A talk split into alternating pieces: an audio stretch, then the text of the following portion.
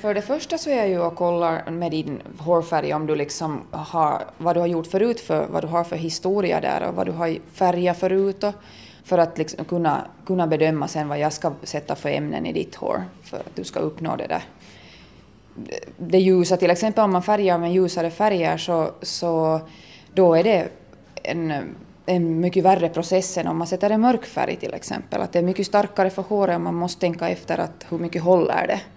Att där till exempel så skulle jag, skulle jag lägga ljusa slingor i, åt någon så skulle jag aldrig lägga värme på. Det har vi aldrig kört med här i den här salongen, att man, att man har, har värme till färger egentligen överhuvudtaget. Om man då färgar med mörkt, ett mörkt hår, eller att det blir mörkare slingor, hur gör man då? Det är egentligen samma analys, man, man kollar hur historien i håret om man gör mörkare färgningar. Um, men men det är, det är snällare för håret, det ger glans åt håret det på ett annat sätt och det, det är en, en, en annorlunda process än, än den där ljusare färgningen. Att man lägger till en färg när man gör mörkare hår. När man gör ett ljusare hår så då tar man bort färg från håret, så därför är det liksom en kraftigare att göra ljusare. Men att med mörkt hår, så när man lägger till färger så, så, så är det snällare och, och ingen fara egentligen med det. Men när du säger att du tittar på kundens hår och dess historia, så hur enkelt är det egentligen att analysera någons hår?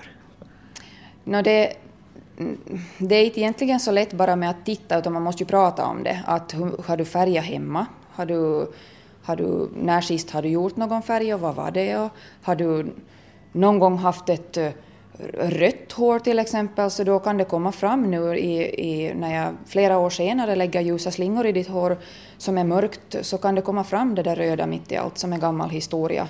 Att det kan vara många års sån där historia i håret som kommer fram när man är och lägger någon viss färg på. Frisörsalongen i Ingo har sina färgförpackningar i ett skåp och vi kollar på dem tillsammans med Mikaela Jakobsson Nyman. Det står inget på förpackningarnas utsida om att använda värme eller inte. Men det kan stå på andra bruksanvisningar som kommer med, tror Jakobsson Nyman. Många frisörer kör med att använda värme. Det, det liksom är mera vanligt än ovanligt det. Men att eh, det har vi valt att inte göra.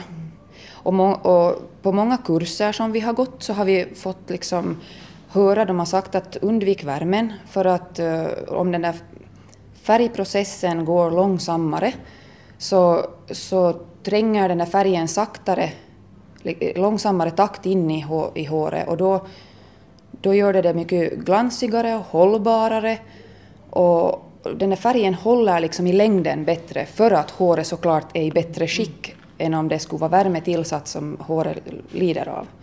Så Varför det, använder en del frisörer då värme? Eh, för att påskynda den här processen, det går snabbare, du kan halvera tiden. Du, annars har du en färg, kanske en mörkare färg ligger på en halvtimme. Med, med värme så måste man, ja, vad ska jag säga, en 15 minuter kan det gå på en, en, en färgning då. Och det går ju, då får du kunden snabbare ut och snabbare in en ny kund. Det rullar på liksom med fortare takt allting. Men man ska nog vara försiktig där, för jag, jag vågar inte riktigt mera. För att, ja, det är också en stor orsak varför vi inte använder värme, så är det att den här byn i Ingo så är, är, och har mycket metaller. Alltså vi börjar bli lite experter på det här med metaller i hår, och som verkligen roddar till det med hårfärgerna. Det är liksom metaller i vattnet? Jo, det kommer det från rören i husen oftast. Att gamla kopparrör i husen så är, är det här orsaken. Men att nu börjar det vara ganska mycket utbytt att man har liksom plaströr i husen och så här nu, att det blir nog bättre med tiden. Men, men vi har nog lärt oss det här. här i den Vad har hänt då, då?